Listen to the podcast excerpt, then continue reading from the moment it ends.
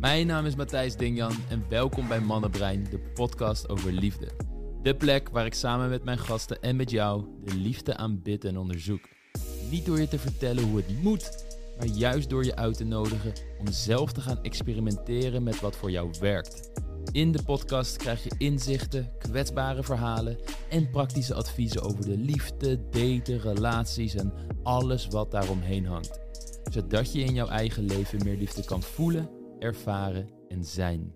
Enjoy. Welkom bij de Man op Brein podcast. En dit keer gaat het over een druk ervaren tijdens het daten. Druk wellicht om een relatie te krijgen, om leuk gevonden te worden. Um, misschien is het zo dat je een kinderwens hebt en dat de biologische klok begint te tikken. Dat zijn de onderwerpen die we deze podcast bespreken. En het komt na aanleiding van reacties die jij hebt gekregen, Kelly, op een andere podcast. Um, ja, wellicht is het goed om die reacties gewoon te benoemen en daarmee te beginnen. Ja, daaruit ehm, kwam naar voren. De vorige podcast is dan van, zijn er nog wel leuke mannen en waar vind ik die? En hoe kan je dan uh, in het uh, proces daarin um, het beste staan? En eigenlijk de spiegel naar jezelf werd daarin voorgehouden. En daaruit kwamen de reacties als, ik ervaar een bepaalde eenzaamheid in mezelf. Um, die wil ik opgevuld krijgen doordat ik uh, ga daten. Dus extern wil ik mezelf uh, vervullen met wat ik mis in mezelf. Er was er eentje, een ander gaf aan. Um, ja, ik merk dat ik behoeftig sta, ook in het daten. Dus eigenlijk ook hetzelfde van, hè, dus niet vanuit authenticiteit, uh, helemaal de juiste redenen op zoek gaan naar een partner. En eentje, en weer een andere dame zei, ja, ik... Um, ik wil gewoon het hof gemaakt worden en daarin wil ik niet zelf um, een man aanspreken of um, ja, gewoon de ouderwetse overtuiging eigenlijk. Hè, zoals mensen denken dat je moet gedragen op bepaalde leeftijden in de liefde. Zoals uh, op mijn twintigste ben ik afgestudeerd ongeveer. Op mijn dertigste dan uh, ga ik trouwen. Mm -hmm. En dan op mijn 35 komt een, een kindje. Dus eh, dat is de druk eigenlijk eh, die ze daarin ervaarden. En ook waarin ze zagen dat vooral vriendinnen wel een gezinnetje krijgen dan. En dan voelen ze zich niet goed genoeg van hé, hey, wat is er dan mis met mij? En waardoor ze weer extra hun best gingen doen om aan een man te komen. Juist. Ja, en het zijn soms verschillende redenen die achter die druk kunnen zitten, maar de de druk is in ieder geval aanwezig, aanwezig om succesvol te zijn in de liefde en dus een relatie te krijgen. Ja, ja en ik denk uh, dat het goed is om te beginnen bij de dame die besprak dat ze een bepaalde leegte voelde. Uh, wellicht in haar leven, wellicht in zichzelf. Als een soort gevoel dat aanwezig is.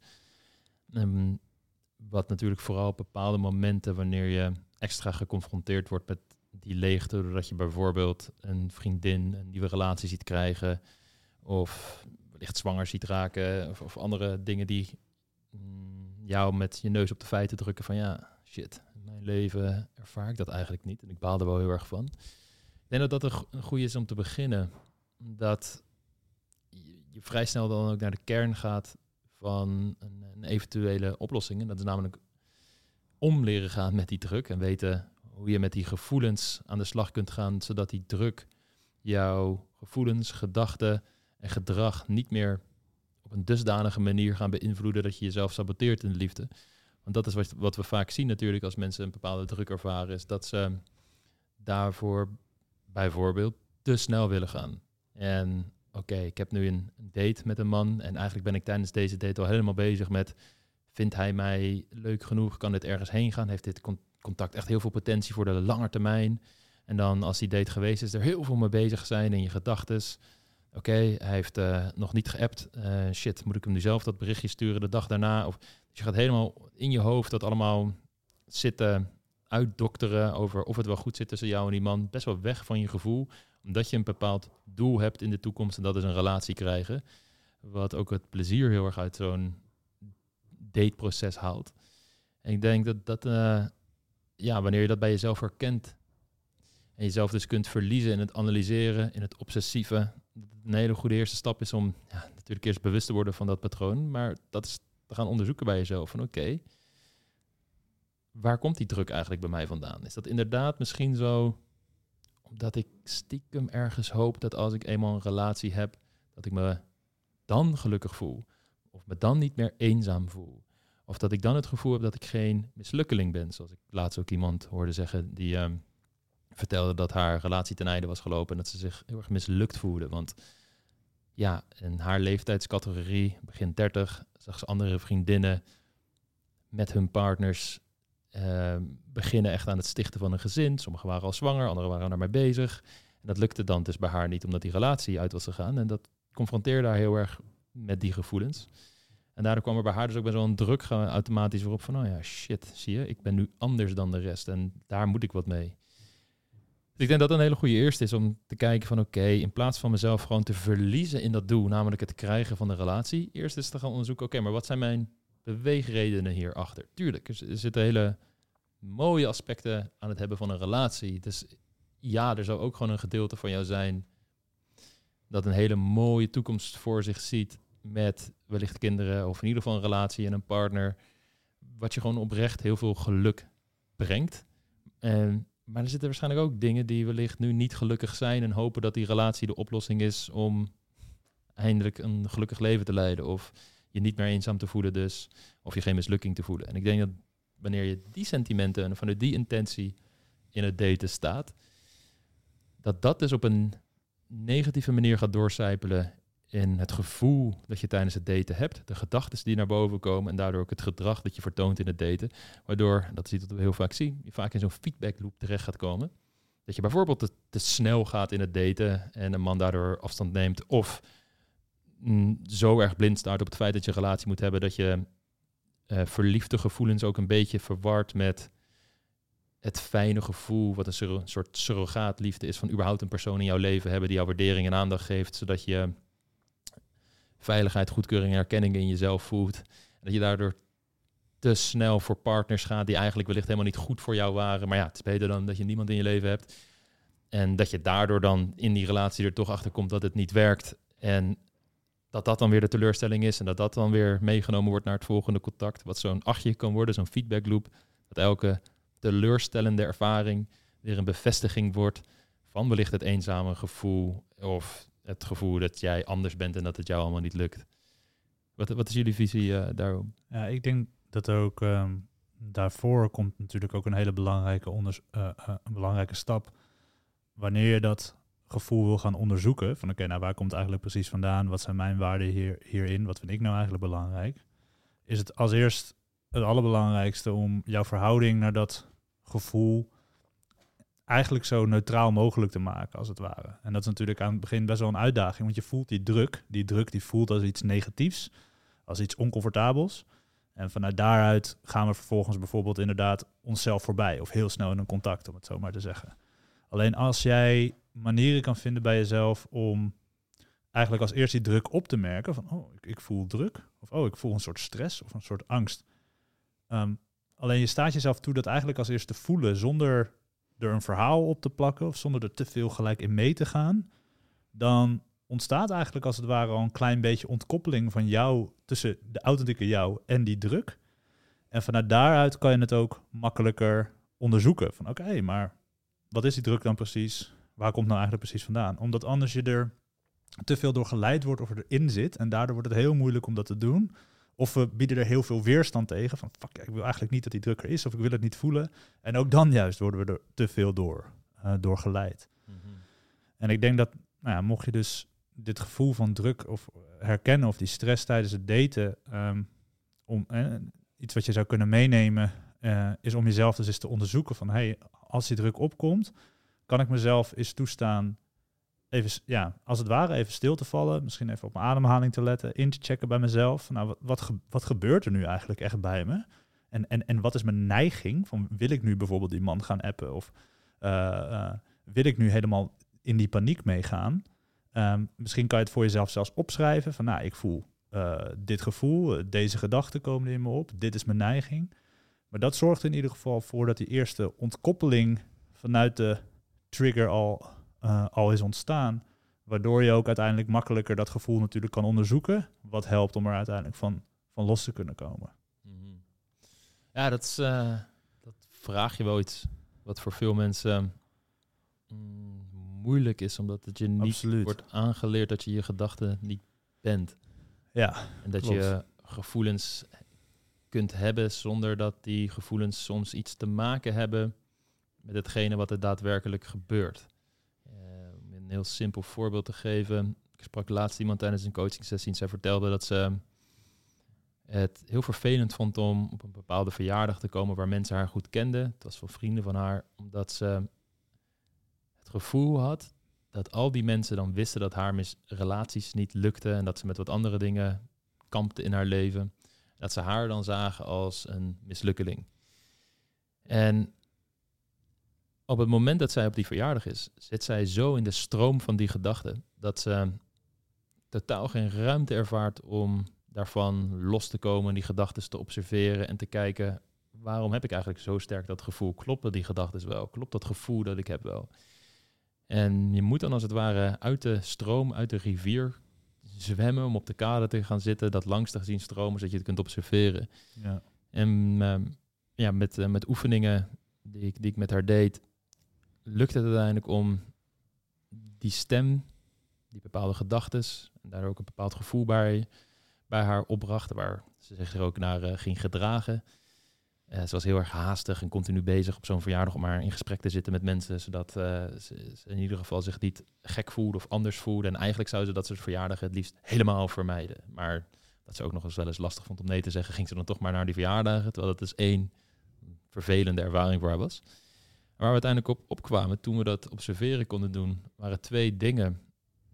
Eentje was meer op het mindset niveau, namelijk dat ze ehm, altijd het gevoel had dat ze moest presteren in het leven, omdat ze vroeger thuis vooral heel veel mm, aandacht kreeg wanneer ze bijvoorbeeld hoge cijfers had gehaald of iets gedaan had wat haar ehm, andere familieleden niet hadden gedaan, broertjes, zusjes. En dat was voor haar dus altijd de manier van ja, je bent pas interessant of goed genoeg op het moment dat je echt iets te vertellen hebt over dit heb ik gedaan. Dan krijg je een soort surrogaatliefde, een soort pseudoliefde in de vorm van aandacht of erkenning. En daardoor voelde ze het van ja, als ik dan op zo'n verjaardag ben en mensen weten dat sommige dingen in mijn leven helemaal niet zo lekker lopen. En ik heb dus eigenlijk niet zoveel positief nieuws te melden. Ja, dan vinden ze me waarschijnlijk een beetje een mislukking. Dus dat was vooral de mindset. En waar we ook nog eens achter kwamen, is dat ze een bepaald gevoel had wat ze meenam uit een pestverleden. Waar ze niet bewust mee bezig was tijdens zo'n verjaardag. Maar wat wel een gevoel was wat omhoog kon komen. Een affect. Wat niet per se aangestuurd werd door gedachten. Wat ze in sociale situaties waarin je met nieuwe mensen ging praten en waarin, waarin je dus wel of niet in een gesprek kon zijn met iemand, dan kwam daar een soort druk bij. Iets wat ze ver- eh, gevoelsmatig herkende uit de periode dat ze gepest was. Maar daar kon ze pas bij komen op het moment toen we eigenlijk wat rust creëerden, haar in haar lichaam lieten landen en door bepaalde oefeningen die gedachten en gevoelens gingen observeren. En meestal wanneer iemand ziet van, oh, ik ervaar dat allemaal en dat komt hier en hier vandaan. Die rivier komt als het ware uit de Alpen daar verderop. Het is gewoon sneeuw die, sneeuw die smelt en daardoor stroomt dat hier allemaal. En in plaats van dat je erin aan het worstelen bent en je bent half aan het verdrinken, dan zie je vaak al een soort verlichting van, oh, er is niks mis met mij. Ik ben niet kapot als persoon. Ik heb alleen bepaalde dingen meegemaakt die in het hier en nu nog mijn gedachten, gevoelens en mijn gedrag beïnvloeden. En ik krijg nu, en dat is dan een volgende stap in coaching, een nieuwe tool aangereikt. Waarmee ik op een andere manier niet alleen met deze situaties om kan gaan, maar ook met dat hele interne proces met die rivier. Ik kan als het ware leren zwemmen naar de kade en daar ook gewoon uitstappen. En gewoon heel ergens anders heen gaan, als het ware. En ik denk die, wanneer je dat soort druk ervaart als in het daten en gedachten zoals ik ben bijvoorbeeld anders of ik ben een mislukking als het mij niet lukt. Of ik ben nog niet waar ik hoor te zijn volgens een soort van maatstaven van de maatschappij iemand die 25, 30, 40, 50 is of, of wat dan ook. Dat het dan heel interessant is om te onderzoeken van oké, maar waar komen deze gedachten en deze gevoelens dus allemaal vandaan? En dat je ook tools moet hebben, zoals jij zegt, Laurens, om dat te kunnen onderzoeken. Want het is heel lastig wanneer die gevoelens en die gedachten zo intens aanwezig zijn dat je er helemaal mee geïdentificeerd bent. Het is gewoon die chaos in je hoofd. En je merkt dat je ook heel erg in je hoofd zit. En dan voelen wat er in je lichaam gebeurt. Ja, maar hoe dan? Want de gedachten nemen het dan weer over. En dan ja, zeker, dat... zeker in het moment zelf kan het natuurlijk zo intens zijn dat dat. En als je, dit, als je dat daarvoor ook nog nooit hebt gedaan, dat dat misschien een te overweldigende stap is. Maar wat wel zou kunnen is, nou, stel, hè, dus inderdaad, hè, wat we dan noemen een beetje op het droge oefenen eigenlijk. Dus wat we dus ook met, wat, bijvoorbeeld dat jij net uh, geeft, wat we met cliënten dus ook doen, middels, middels oefeningen. Dus bijvoorbeeld zo'n zo'n situatie visualiseren, kijken wat er dan bijvoorbeeld bij gebeurt. En kan je kijken of je daar al relatieve acceptatie of rust in kan vinden, of misschien kan opschrijven. Maar misschien ook zelfs nu, voor de mensen die nu luisteren en, en een uitnodiging is om nu eens even bij, je, bij jezelf in te checken van nou ja, als je, als je überhaupt al nadenkt over die druk die jij voelt tijdens het daten, hoe ervaar je dat nu op dit moment? Kan je dat nu al ergens voelen? Kan je dat nu mm. al ergens waarnemen of in, in gedachten ehm, eh, opmerken? Ehm, en dus nou, schrijf even, even voor jezelf op. En dan, dan maak je dus die ontkoppeling van, nou, dus inderdaad het, het patroon en, en, en jijzelf. Um, waar vanuit je dus inderdaad die vervolgvraag kan stellen van, hé, maar waar komt dit eigenlijk precies vandaan? Of wanneer is dit de eerste keer dat ik dit eigenlijk heb ervaren? Um, en dat het, dat het dus niet gaat om jij als persoon, zoals je zelf net zei, van, je bent niet kapot of stuk of watsoever, maar meer, jou, jou is waarschijnlijk iets overkomen. Of misschien zijn overtuigingen ook van anderen, die heb jij je eigen gemaakt, maar het is, het is eigenlijk helemaal niet van jou. Ja, en dat is dan waarin kan loskoppelen wat, wat zelfkennis vraagt. En waarin je echt wil gaan loskoppelen van het oude verhaal of de overtuigingen uh, die, waar je mee rondloopt die jou niet dienen, die opgelegd zijn door de maatschappij, vriendengroepen, noem het allemaal maar op.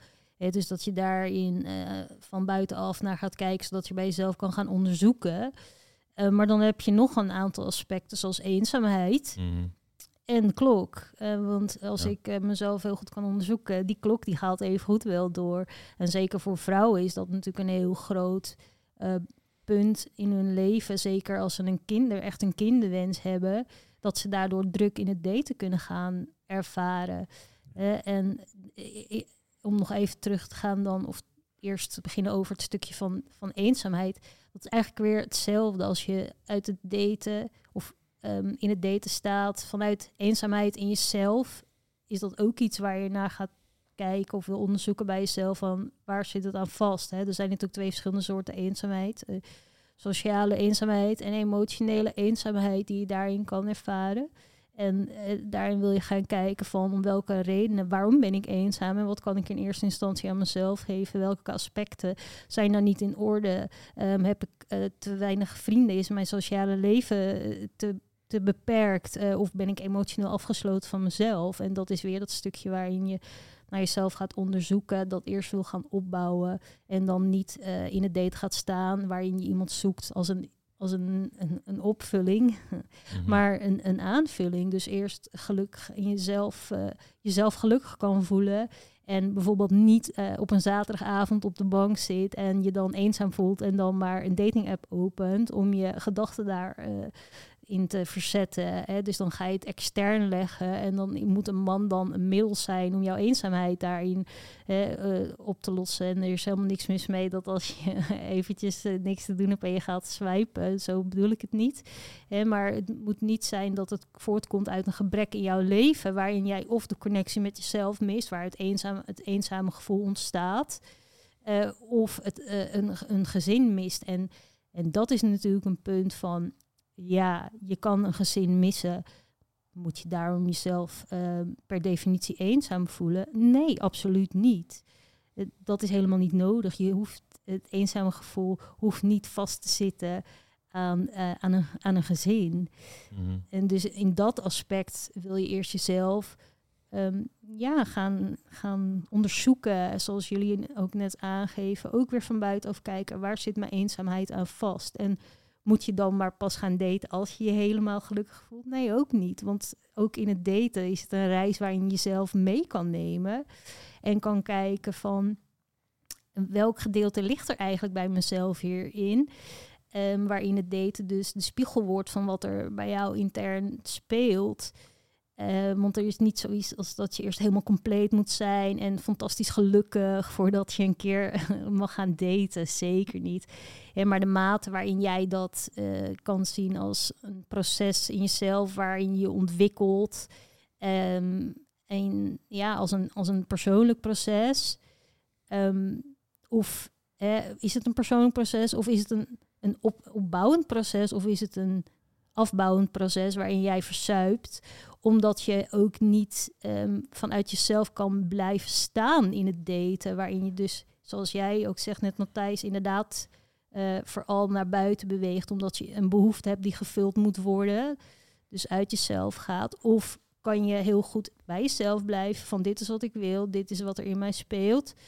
En um, ik laat me daarin spiegelen, waardoor ik elke keer naar mezelf weer keer om te gaan kijken wat er eigenlijk met mij binnenin speelt. En wat gebeurt er dan eigenlijk met mijn eenzaamheid? Wat zijn de overtuigingen die ik dan heb? En wat is de rol dan eigenlijk die ik verwacht in het daten? Dan ook wat een, wat een man moet vervullen. Dus het is ook best goed om um, op een, ja, een vervelende manier soms gespiegeld te worden daarin. En hele mooie lessen die je daaruit kan halen door elke keer naar binnen te keren. Ja, ja die sociale eenzaamheid ehm, versus emotionele eenzaamheid die je noemde, ja, dat is een beetje het verschil inderdaad ook tussen je kunt alleen zijn, uh, dus letterlijk in jezelf, eh, helemaal op jezelf in je kamer, en je niet eenzaam voelen. Omdat je wel een verbinding met jezelf voelt, maar ook gewoon een ecosysteem in je leven hebt opgebouwd met verschillende sociale relaties met mensen. Uh, dingen die je leuk vindt om te doen, dingen die je betekenis geven. Ja. Waardoor je een verbondenheid voelt, zowel met jezelf als andere mensen, als met het leven op zichzelf. Ja, ik ben alleen. Ja. Ik ben op mezelf, maar ik ben niet alleen. Ja, en eh, je kunt ook op een verjaardag zijn met al je vrienden en familie om je heen. En je, en je toch eenzaam voelen. En dat laat dus heel erg zien van, oh oké, die relatie gaat helemaal niet per se eenzaamheid oplossen. Want er zijn zat mensen die zich eenzaam voelen in een relatie. En ik zal, uh, ik zal nooit vergeten ook dat, dat um, jaren geleden, toen ik een man coachte, was ze rond de 53.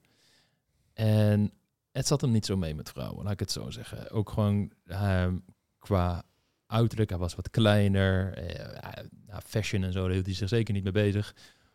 Maar zijn mindset was top. Dus hij kwam wel gewoon op een training bij ons en uh, hij werkte in de veranderingsmanagement in het bedrijfsleven. En die man die vertelde mij een verhaal waarin hij zei: Ja, weet je, de eerste vrouw die ik heb gehad, die vond mij leuk. Nou, dat maakte ik niet zo vaak mee. Dus ik dacht: Oké, dit wordt mijn relatie. Want dan ben ik in ieder geval niet meer eenzaam in het leven. En toen zei hij van ja, Vroeger, toen ik single was, had ik nog hoop dat als ik eenmaal een vrouw vond, dat ik me dan niet meer eenzaam zou voelen. In die ja, bijna twintig jaar samen geweest met die vrouw. En dat hele huwelijk heb ik me altijd eenzaam gevoeld. Omdat eigenlijk ik zelf ook nog wel wat dingen zat aan te werken qua emotionele verbinding met mezelf. Maar we pasten ook gewoon niet zo heel goed bij elkaar. Maar het was gewoon beter dan niks. Ja, en toen zei hij, toen werd ik er echt heel moedeloos van. Want dan denk je, ja, ik heb nu een relatie en ik voel me nog steeds eenzaam. Er is niet nog een soort iets waar ik naar kan verlangen of naar kan hopen wat die eenzaamheid gaat oplossen. En nou, dat huwelijk is uh, beëindigd. Hij is bij ons een, eh, op een training terechtgekomen en door zijn mindset zit hij nu in een prachtige relatie, omdat hij helemaal open stond om te groeien. En hij had precies die houding die jij net beschreef van oké, de situaties in mijn leven zijn een spiegel voor uh, de dingen waar ik aan kan werken. En ja, more power to hem. het, hij is oprecht heel gelukkig in de relatie waar hij nu in zit.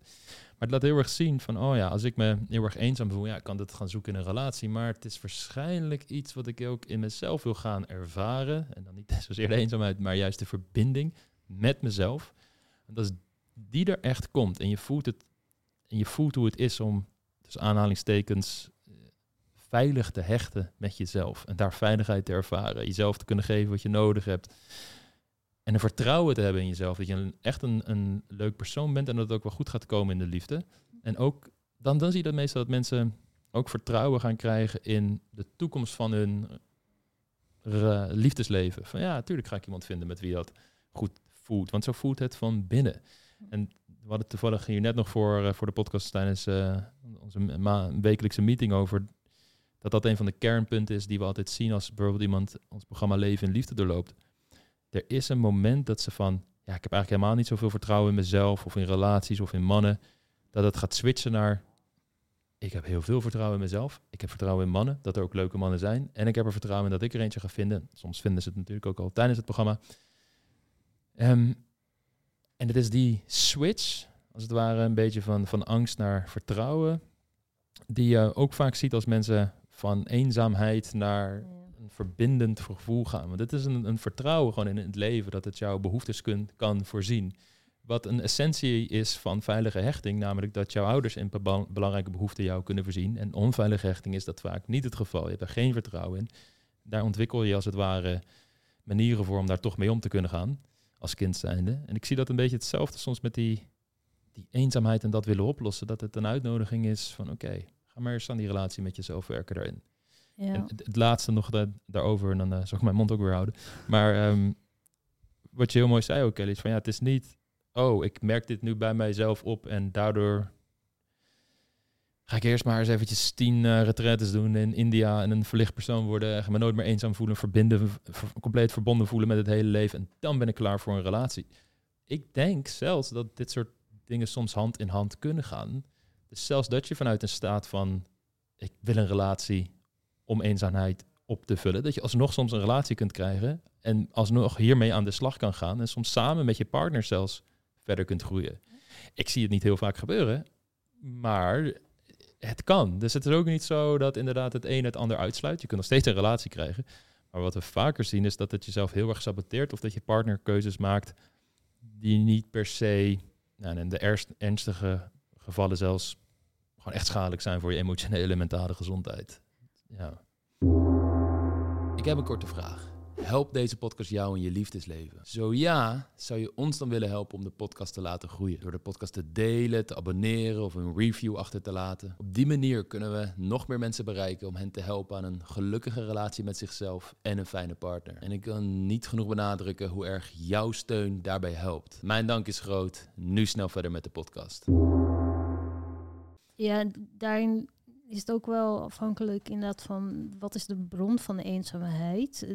Dan kan je spreken over eh, de basisbehoeften waarin er niet voldaan is, eh, of verkeerde overtuigingen die zijn opgelegd, of eh, waardoor je aan jezelf gaat twijfelen omdat je moet voldoen aan een bepaald beeld, zoals de wereld jou heeft opgelegd, of dat je de wereld jou laat opleggen, eigenlijk in dat geval. En je kan jezelf, ehm, kijk, als het gaat om het punt van in verbinding staan met de ander. Ehm, en je hebt dat in je jeugd, heb je daar een knauw in gehad, je hebt een geactiveerd hechtingssysteem.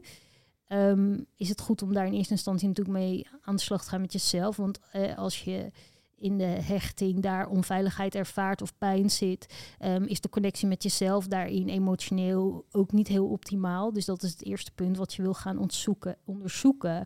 Dat is eigenlijk je eerste stap. En hoe weet je dat? Nou ja, als je terugkijkt naar je verleden en je ziet een beetje wat daar is gebeurd, hoe veilig was het daar, hoe is je voldaan aan jouw basisbehoeften, kan je eigenlijk al weten dat er weer bepaalde aspecten tekort is gedaan. Ehm, en daaruit eh, kan je zelf gaan ontwikkelen. Nou, dit is dan, ik leg het eventjes, ik, ik beknop het nu. Er zit natuurlijk veel meer aan vast. Maar over het algemeen eh, komt het wel vanuit eh, de basisbehoeften vanuit de jeugd eh, daarin. Maar er is natuurlijk ook zo nog een stukje als ehm, nou ja, relatievaardig worden, zoals wij dat ook leren vanuit mannenbrein. Maar waar ik naartoe wil, is dat in verbinding met de ander komen staan op een juiste manier is ook iets wat je moet leren als je vanuit een onveilige basis bent gekomen vanuit de jeugd. Omdat het niet iets is wat je vanuit natuur hebt opgebouwd. En dan kan je die connectie met jezelf gaan herstellen. Maar uiteindelijk wil je vanuit die nieuwe jij, die veiligheid in jezelf, dat ook gaan toepassen en gaan oefenen, als het ware, in verbinding met de ander door te gaan daten. En of dat dan mensen zijn die je real life tegenkomt of op een datingsite.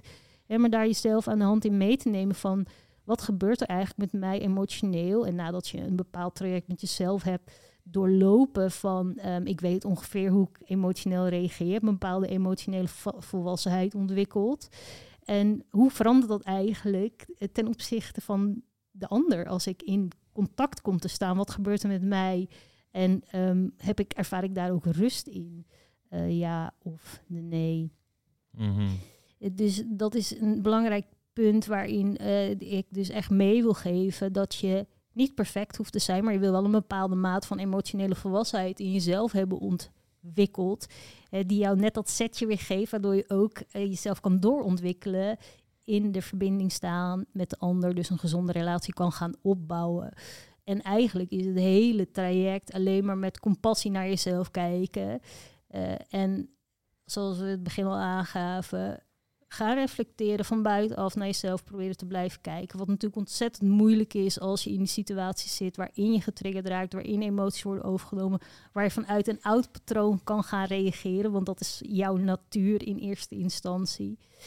Eh, en dus als je daar bijvoorbeeld op de bank zit s'avonds en, je voelt je eenzaam, eh, in plaats van dan een, een, een Bumble of een Tinder te openen, neem jezelf gewoon mee op reis.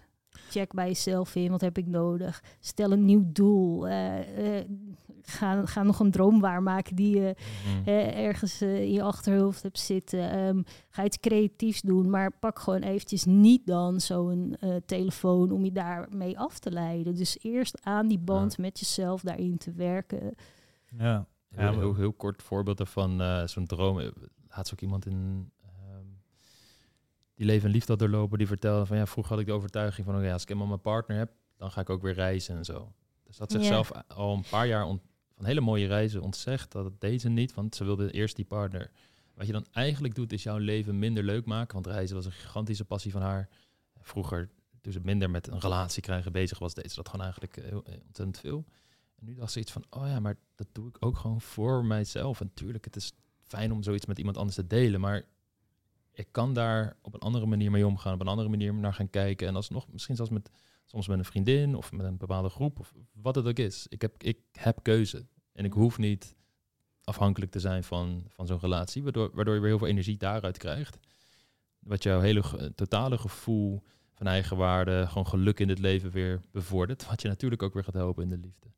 Ja.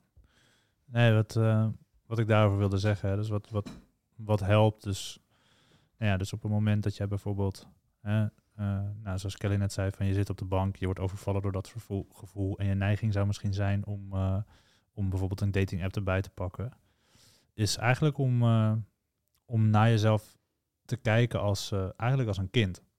Dat is een voorbeeld daarvan van, van de coaching. Ik heb ooit één op één coaching traject gehad met een, met een vrouw en die, die had hier ook heel veel last van. Die had vroeger in haar uh, verleden is echt te maken gehad met emotioneel afwezige ouders. Daardoor was ze constant op zoek uh, naar bevestiging eigenlijk van buitenaf. En heel erg op zoek naar bevestiging bij mannen. Um, maar op het moment dat zij in kon zien, uh, met behulp ook van de coaching, van hey, eigenlijk is dat nog een soort verwond deel van mijn kind zelf, wat dus heel veel pijn heeft en angstig is en op dat moment heel erg op zoek gaat naar iets, dan hielp het haar, dat hielp haar heel erg als uh, als tool om heel eventjes ja, zichzelf ook wat beter te gaan observeren en vanuit daar dus die vraag gaan stellen van oké, maar wat, wat heb ik nodig? Of wat heeft dat kind eigenlijk nu op dit moment nodig? Als praktisch toeltje daarbij had zij zelfs een, uh, een kindfoto van zichzelf, gewoon opgeslagen in de telefoon en pak ze dat erbij, keek ze daarnaar en dan kon ze opeens, ja, je ziet echt dat meisje, je ziet echt dat kind, maar tegelijkertijd ben je het ook zelf. En dan opeens wordt zelfliefde veel grijpbaarder. Dat soms kunnen we er nog niet helemaal bij als we na over onszelf denken als nu, als, als, als volwassen persoon. Maar ja, een, je, je gunt geen enkel kind een jeugd met emotioneel afwezige ouders en de pijn die daaruit, die daaruit ontstaat. En, en dan opeens kan je zien van hé, hey, maar wacht, dat meisje heeft dat zelf meegemaakt. En niet om dan te zwelgen in zelfmedelijden, maar meer om wel die compassie op te wekken van, nou ja, goed, zij kon daar helemaal niks aan doen. Uh, en ik heb nu eigenlijk voor dit meisje te zorgen door als eerst naar het meisje te luisteren en ervoor te zijn. Dus door te voelen, door aandacht te geven aan het gevoel wat opkomt. En vervolgens, bijna als een soort van grote zus of als een soort ouder voor dat meisje, de vaardigheden te laten zien die wel helpen in die situatie. Zoals inderdaad even je telefoon wegleggen, iets voor jezelf gaan doen. Uh, wat je zegt, een leuke hobby erbij pakken, iets creatiefs gaan doen, uh, whatsoever. Maar dat is altijd een hele mooie ja, ref ja, reframe om het op die manier ook te bekijken. Van, ja, je bent eigenlijk aan het zorgen voor je eigen innerlijk kind. Ja, het is ook zeker zo dat je eerst bij jezelf wil inchecken en niet van hè, ik voel nu iets naars opkomen, ik ga dat wil dat vermijden, ook door uh, wat te gaan doen wat me afleidt. Zeker niet. Um, maar uh, wat ik vooral erin uh, bedoel, is dat je wat je eigenlijk extern zoekt, eerst in, in, in jezelf gaat zoeken, inderdaad, zoals jij zo mooi aangeeft, Laurens. En maar dan ook jezelf mee op reis neemt en gaat ontdekken. En als het ware jezelf gewoon op date neemt. Waarin je de emotionele connectie met jezelf eerst gaat herstellen. En waardoor je niet meer iets wat binnen in jou zit eh, extern gaat leggen. En dat in de handen legt eh, om jou het geluksgevoel in je leven te brengen. Zoals het afwachten van eh, verre reizen omdat dat vastzit aan een partner Ja. daarin. Maar dat je op dat moment bewust bent van wat hier opkomt, wat ik hier ervaar. Ehm, is iets wat ik mezelf heel goed kan geven. En op het moment dat ik mezelf dit kan geven en met mezelf die reis aanga, ben ik ook in staat om betere partners aan te trekken. Omdat ik daar niet vanuit een behoefte in het daten meer sta. Mhm. Het kan zijn dat je op die zaterdagavond toch tot hetzelfde gedrag komt. Alleen dat het gewoon aan een totaal andere plek komt. Ja. Stel je, je bent heel je weekend altijd compleet aan het opvullen met activiteit omdat je FOMO hebt of niet, eh, eh, gewoon niet met je alleen thuis wil zitten omdat je dan al die gedachten en vervelende gevoelens krijgt. Het kan zijn dat je, als je zelfs als je dan dat eerst een paar weken een keer wel gewoon doet om juist daar doorheen te gaan, zodat je goed met jezelf kunt zijn, verbindingen voelt met jezelf en dat hele proces wat we beschrijven.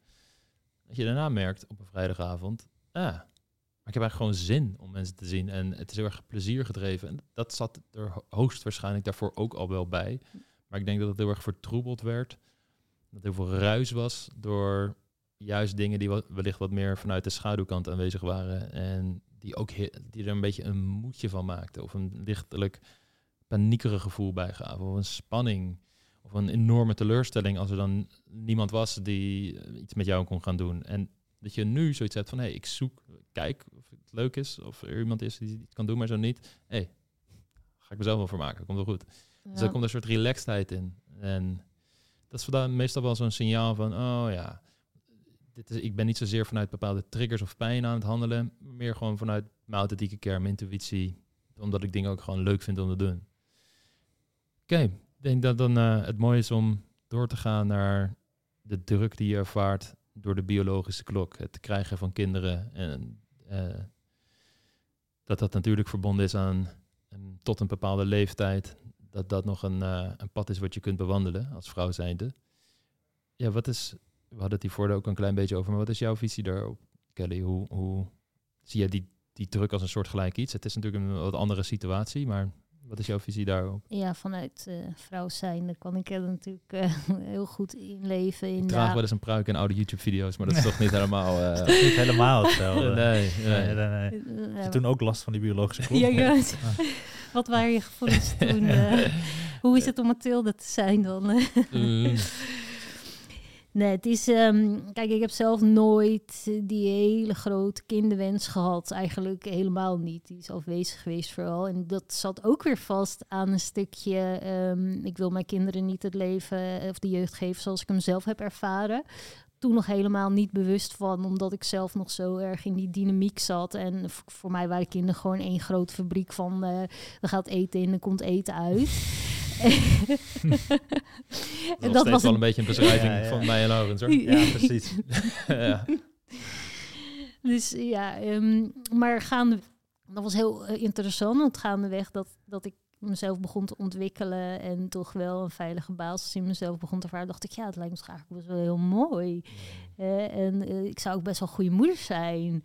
En, ehm, en toen vond ik het wel jammer dat het er niet was. Maar ik dacht, hé, hey, je, ik ben eind 30. Het zou nog best wel kunnen. Ik voel me goed. En dus toen ben ik ook gaan eh, zoeken. Niet van, eh, dit wordt de man van mijn kinderen, absoluut niet. Maar toch van, ja, weet je Kelly, het komt niet aan de deur kloppen. Dus als je nog wat wil, misschien moet je eens een beetje meer daarbuiten begeven dan. En zo ben ik eigenlijk ook door mijn biologische klok eh, gaan internet daten. Dus daten via een Tinder of, of Badoo. Of, en ehm, wat ik, eh, ik krijg natuurlijk ook heel veel dames eh, in, in het coach die, die zeggen van ja, eh, ik ben nu begin 30, eh, mijn vrienden hebben allemaal een relatie, ik voel me vaak alleen. Vroeger deelden we, gingen we lekker mannenjachten of deelden we andere dingen en dat kan nu niet meer. We hebben nu een gezinnetje, oud en nieuw, zitten ze bij een gezin, ik niet. Ehm, ja, ik kan, ik kan daar echt in meevoelen. En ik begrijp heel goed wat ze, wat ze daarin bedoelen. En ja, het is ook gewoon iets wat je, wat je niet in de hand hebt. Ik ga niet zeggen dat, het, dat, dat, het, eh, dat, er een, dat ik er een oplossing voor heb in de tijd. Nee, Mhm. dat, dat heb ik niet. En maar dat gevoel, zoals ik bij mezelf omschreef, wat transformeerde. ehm, van eerst geen gezin naar wel. En toen in het daten ehm, vond ik eigenlijk ehm, ja, niet ook de relatie toen hoe ik het zou willen. Nou ja, op een gegeven moment dacht ik ook van ik vind mezelf nu te oud voor kinderen nog. Hè, dat wil ik nu niet meer dan. Maar het werd bij mij nooit een doel van, en dat is wat er veel gebeurt. Oké, ik wil die druk, ik voel die tijd van die klok. Dus ik ga die man opzoeken die mij kan voorzien van een, van een kindje. Of, of, of meerdere, misschien wel een heel elftal. Maar en dat beeld om daaruit te gaan daten, ja, dat is zo ontzettend zwaar voor jezelf om op die manier erin te gaan staan. Wat je wil is, oké, ik heb dit leven, ik ben uh, je wilt ervaren dat je het geluk hebt in je leven, dat je je goed voelt. En um, dat het heel mooi is om een relatie aan te gaan en dat daaruit voortvloeit uh, een, een, een gezinnetje. Hè, dus het, het, kind wordt niet meer het doel, maar in eerste instantie uh, de connectie die je hebt met jezelf daarin, waarin mijn kinderwens dus wisselde. Maar het geluksgevoel in mijzelf uh, niet veranderd door het wel of niet hebben van een gezin uh, daarin. En ik heb daar wel een aantal dingen in aangepast, zoals uh, mijn vriendenkring wat vergroot, zodat ik uh, wat, wat, meer familiegevoel kreeg ook. Want er waren natuurlijk wel wat aspecten verloren gegaan vanuit mijn jeugd naar het volwassen worden en alles wat erbij kon kijken. Maar dus dat was ook weer de zoektocht in mezelf.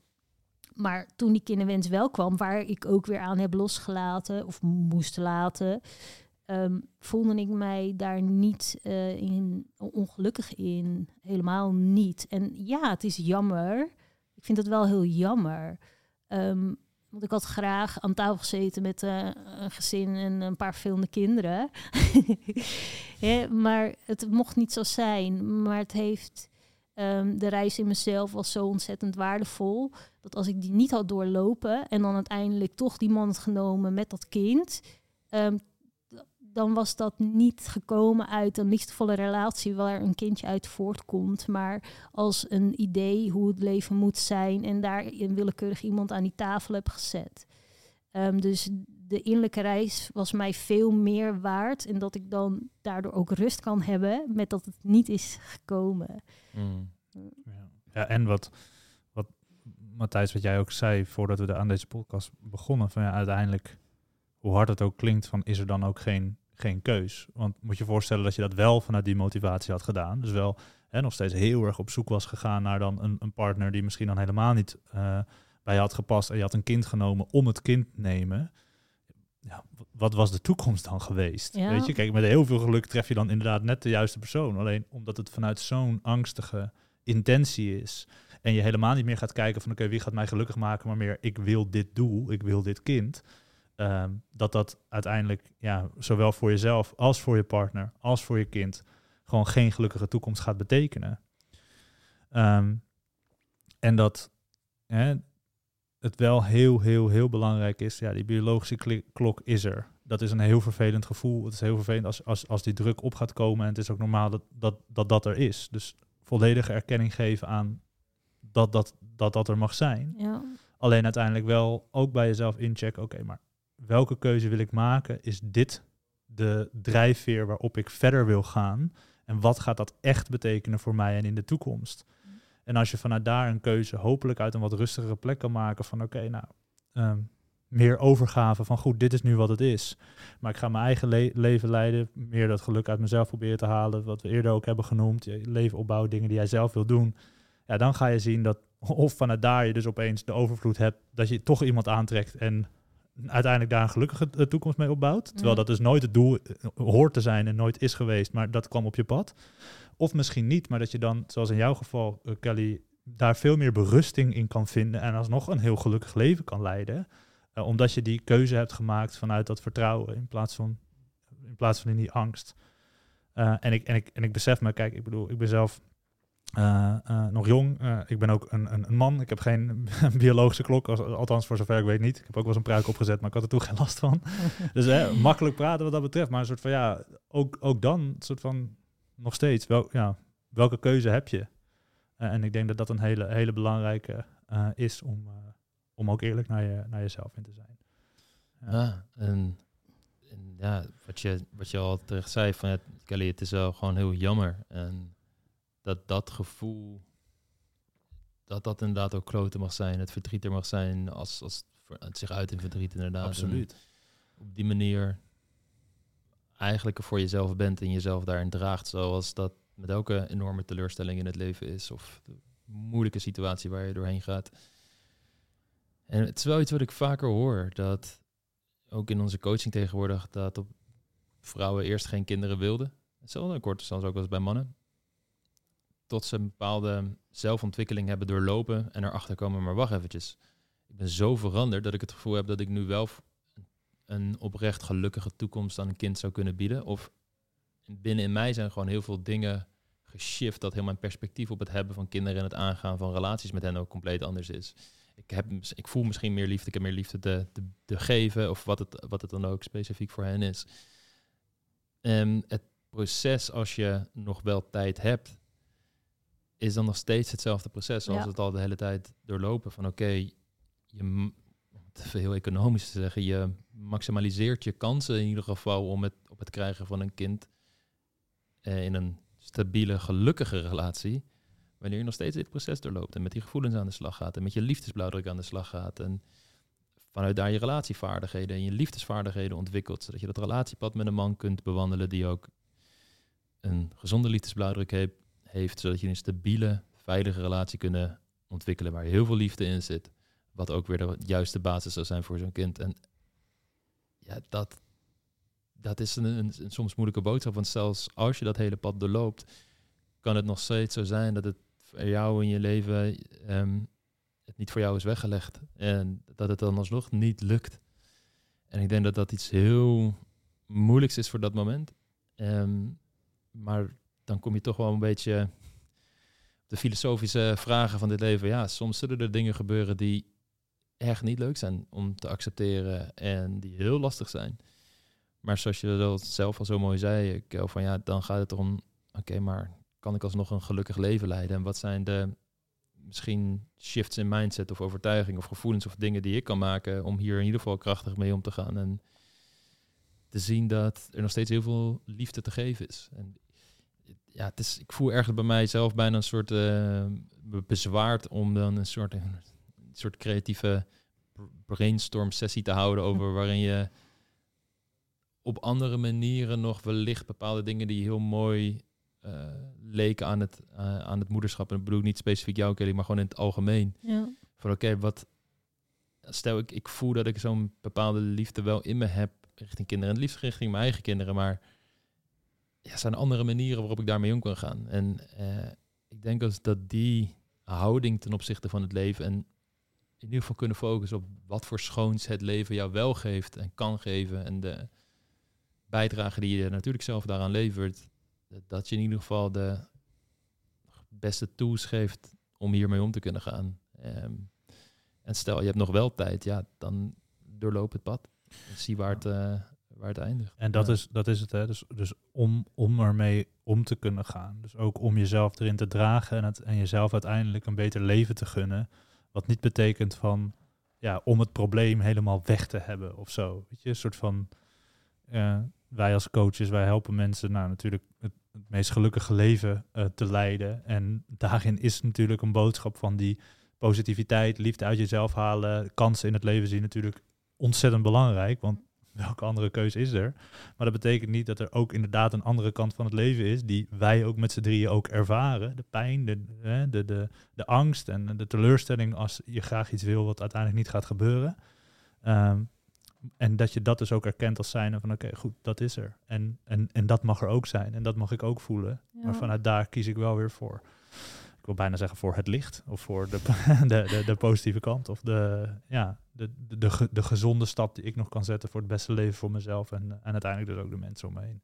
Ja, en, en gaande dat proces, uh, ik, ik gebruik mijn eigen proces daarin als voorbeeld. Maar er zijn natuurlijk wel heel veel dames die denken van ja, maar ik wil toch echt wel die kinderen en ik ben niet zo ver om dat zo los te laten. Eh, en het bepaalt wel echt mijn geluksgevoel, omdat dat echt wel een doel is. En ik denk dat het dan heel, heel goed is om daar ook hulp in te zoeken, om iemand je daarin te laten begeleiden van in hoeverre zit dat dan waarom laat je het zo ver in zover afhankelijk zijn van het geluk dat jij kan ervaren in jouw leven? En wordt het dan ook een soort van gefixeerd proces waar je dan in terecht komt en houdt dan de rest van jouw leven op? Want er zijn natuurlijk nog zoveel meer aspecten, inderdaad ook van uh, zoek naar mooie oplossingen, denk niet in schaarste, hè, maar in, in overvloed. Um, en er zijn heel veel andere aspecten in jouw leven die inderdaad uh, kunnen, ja, kunnen vervullen um, vanuit het jezelf ook gunnen dat er meer is uh, dan dat. En niet een soort tunnelvisie creëert waarin dat doel daar is. Uh, het einde van de tunnel staat dan dat gezin of zo. Maar om je heen blijft kijken en al het moois daaromheen ook meeneemt. En ja, nogmaals, vind je, vind je dat moeilijk en kan je daar moeilijk aan loslaten? Of weet je niet hoe je daar het beste mee om kan gaan om er ook zo succesvol mogelijk in te zijn? Want het weten dat je wel alles hebt gegeven voor jezelf en het is toch niet gelukt, is vervelend. Maar het geeft wel de berusting in jezelf dat je ervaart van ja, ik heb mezelf hierin wel heel veel gegeven. Ik heb, mijn leven is doorgegaan. Ik heb niet in die tunnel gezeten. Ik heb nog heel veel ervaren, geluks, andere geluksmomenten gehad. En ik kan het dan, dan kan je het ook makkelijker loslaten. Mm. Ja, als ik een beetje uh, me heel erg verplaats in, in opmerkingen die ik daar wel eens over gehoord heb. Ik kan me heel erg voorstellen dat voor sommige vrouwen het voelt van ja, het moederschap is zoiets moois op zoveel verschillende aspecten. Niet alleen dat je leven op deze wereld zet, maar automatisch de betekenis die het aan mijn leven geeft. Het warme gevoel van zelf een gezin stichten en de moeilijke liefde die, die ik kan geven. En ik denk dat dat heel mooi is en dat dat hele mooie eigenschappen zijn, uiteraard. Maar tegelijkertijd, ondanks dat het wellicht ook misschien een van de meest natuurlijke processen is die je als organisme op een planeet kan meemaken. Je, je doet een soort van mee aan het spel van het leven wat je doorgeeft. Je, kunt nog steeds er zelf voor kiezen, als ik dan weer de andere kant op ga, om te zoeken naar een andere betekenis hm. eh, in het leven. En die kun je zelf creëren tot op zekere hoogte het, uh, het is te simpel gezegd, maar ik denk wel dat het um, wellicht bijdraagt om te onderzoeken hoe, hoe, ik dat soort dingen zie. Is hetzelfde als je, uh, oké, ik kom niet uit een warm gezin. Bijvoorbeeld, uh, misschien heb je je ouders op hele jonge leeftijd verloren of spreek je niet meer vanuit andere gezinsdynamieken dat niet goed voor je is. Ja, je zou kunnen zeggen, ja, maar een van de mooiste aspecten van mens zijn is, is die vader en liefde, vader en moeder liefde voelen en thuiskomen in een warm gezin en dan uh, je broer bijvoorbeeld in mijn geval en uh, die, die, die, mooie broerband die je dan met zo iemand hebt of je zusband, ja, die heb ik dan niet, maar ik heb geen zus, maar als dat er niet is, ja, dan is dat ook wat het is. En dan is het dat accepteren en nog steeds kijken van oké, maar uh, wat voor manieren ga ik dan mijn leven leiden? De soort van wat meer platgeslagen versie hiervan is, ja, ik moet rijk zijn. Ik moet miljonair worden. Uh, anders heb ik geen betekenisvol leven en ben ik een nobody. Wat je soms wat meer bij sommige mannen kunt proeven.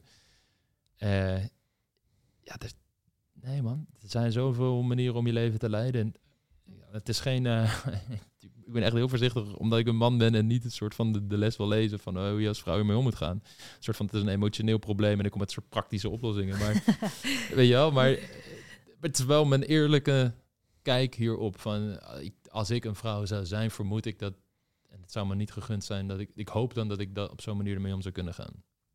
Maar ja. Ja, het is uh, wel um, grappig dat je dit zo benoemt. Um, en dan bedoel ik niet e-, even niet van het praktische gedeelte oh, en het man zijn uh, voor de emotionele oplossing van de vrouw, maar vooral in uh, de nalatenschap van oké, als ik deze aarde verlaat, wat laat ik achter uh, daarin? En het is heel grappig, want daar, toevallig dacht ik daar gisteren over na. Ik wist ook dat dit het thema zou zijn van deze podcast. En um, toen dacht ik, ja, dan zit ik daar dan in mijn, in mijn bejaardenstoel, in mijn eh, schommelstoel voor dat raam daar in mijn eentje. En ik weet dat ze ook heel veel pleziertjes hebben, al die bejaarden bij elkaar. Dus dat zit wel goed. Zo'n relaxed fauteuil gewoon. Ja. En eh, ja, die zijn verzorgd worden, maar gewoon van hoe belangrijk zou het voor mij zijn om dan ook ehm, een stuk van mezelf achter te laten. Ehm, ja, ik vond dat eh, een interessante vraag in eerste instantie naar mezelf. En ehm, is dat ook iets wat bijdraagt aan mijn geluksgevoel nu in dit leven? Maar het was wel zoiets van: oké, dan ben ik er niet meer en dan is er niks meer over of zo. Dan is het, eh dan houdt Kelly op. Mhm. Maar toen dacht ik, ja, maar ik heb zoveel mooie cliënten die ik mag coachen in hun liefdesleven. En daar komen weer allemaal fantastische kinderen uit voort. Dus ik draag wel op mijn manier bij aan deze wereld. En dat was gewoon eh, voor mij wel een mooi gevoel om die verbondenheid op die manier te ervaren. Van nee, ja, ik laat echt wel wat achter. En, dat is precies wat ik bedoel met betekenis vinden in andere, andere zaken. Die je nog steeds een diep gevoel van liefde kunnen geven. En tuurlijk, dat is allemaal anders en zo. Ik snap dat er heel veel nuances aan zitten. Maar dat is wel een, voor mij een, een illustratie van hoe je dan nog steeds een heel gelukkig leven leidt. Ondanks dat dat eh, moederschap je dan niet gegund is. Zijn we nog een eh, andere bron van druk ervaren tijdens het daten vergeten te benoemen? Ja, vriendinnen, hè? Dus van, oh ja, die, die, is wel, die is ook wel langsgekomen. Hè? Dus druk vanuit je omgeving. Andere mensen zijn het ook aan het doen. Ja. Eh, een, eenzaamheid. Ja. Nou, er zijn heel veel dingen. Sociaal-maatschappelijke as- aspecten, die zitten hier natuurlijk ook wel weer, Ja. ook wel weer bij. Ik wil nog wel eh, als eh, heel, heel kort een hele kleine anekdote geven. Misschien ook om mee af te sluiten. Ik had eh, ook ooit een eh, een op één traject met een, eh, met een vrouw. En ik weet, ik weet nog heel goed de eerste sessie. Want zij was eigenlijk helemaal ja, geobsedeerd door een man die eigenlijk totaal niet goed voor haar was. Ze zat echt al lang in een relatie, maar echt, hij, hij behandelde haar echt, echt als shit gewoon. En zij kwam bij mij en ze zat tegenover me en ze zegt van ja, nou, ik wil zorgen dat hij, dat hij weer terug bij me komt. En dat was, dat was echt haar intentie. Op een gegeven moment zei ze zelfs van ja, jullie zijn toch mannenbrein, ik kan toch iedere man krijgen? Ik wil dat hij terug bij me komt. en, en de laatste sessie, dat is vijf sessies verder, dat was zo'n mooi dag-nachtverschil. Want toen eh appte die man haar weer tijdens de sessie. En toen eh, ze keken naar en ze zei van ik heb hier dus echt zo geen zin in. Ik heb zo geen zin meer in, in, in al zijn gezeik en al zijn shit en hoe die me behandelt. En dat was Hmm. zo'n zo'n mooi dag-nachtverschil. Alleen die vrouw die had dat niet kunnen doen zonder hulp. Ja. En dan is het niet van, oh ja, eh, je moet het op mannenbrein doen. Als je het ergens anders gaat doen, dat is ook helemaal prima. Maar ook al wat Kelly eerder heeft gezegd. Hey, je- ik heb je wel flink betaald voor deze je sluimer. moet het bij mannenbrein doen. Je moet, je moet het bij Matthijs en mannenbrein.nl. Je moet leven en liefde doen. Hey. Ja. nee, maar goed. hè, Nee, helemaal mee eens. Ja, ja, ja, ja, precies. Ja. We hebben het er later nog wel over. Maar in ieder geval, ehm, als je dus echt merkt van ja, ik ben zo geïdentificeerd met ik ben alleen maar gelukkig met een man of met een kind of wat dan ook. Ik heb die voorwaarden nodig voor mijn geluk en ik zie dat echt niet anders. Laat het dan een groot signaal zijn om ehm, je hand uit te reiken en dat iemand anders die hand ook kan pakken en jou daarbij kan helpen. Mhm. Eh, want dat soort dingen die zitten zo diep, dat kan je niet alleen oplossen. En dat hoef je ook niet alleen op te lossen. Zeker. Mooi einde. Dankjewel. Dacht ik ook.